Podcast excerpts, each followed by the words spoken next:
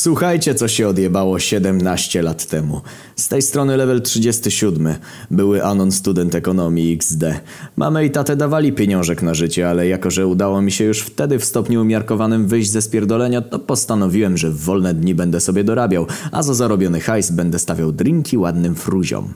Postanowiłem, że będę szukał pracy jak najbliżej swojej piwnicy, bo w komunikacji miejskiej siedzą stare baby, a jak mówi odwieczne prawo, takie należy jebać prądem.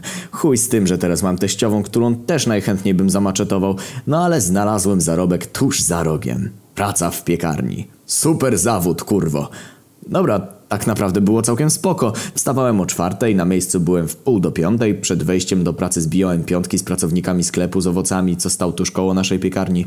O piątej już wstawialiśmy bułeczki chlebiki do pieca. Ja jako świeżak głównie patrzyłem i starałem się niczego nie rozpierdolić, bo moją rolą w tym przybytku było obsługiwanie kasy i podawanie klienteli wypieków.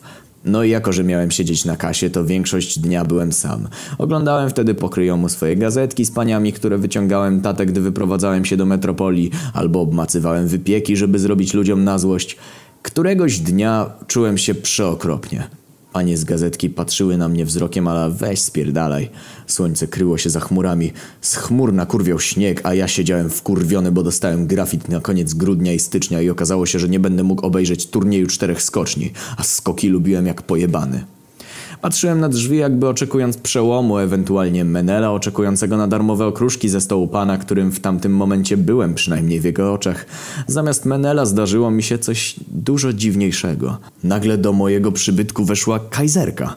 Dojebana kajzerka, wielka jak człowiek średniego wzrostu. Znaczy, wiedziałem, że to ktoś przebrany, ale to nieważne. Człowiek kajzerka trzymał w ręce pistolet.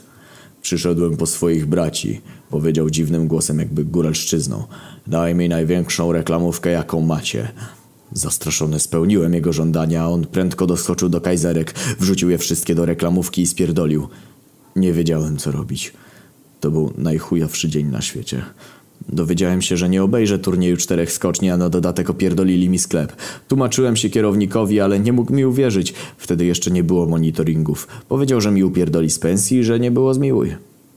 Ale następnego dnia uwierzył. Został ze mną, żeby przypilnować mnie w pracy, bo myślał, że kradnę mu kajzerki.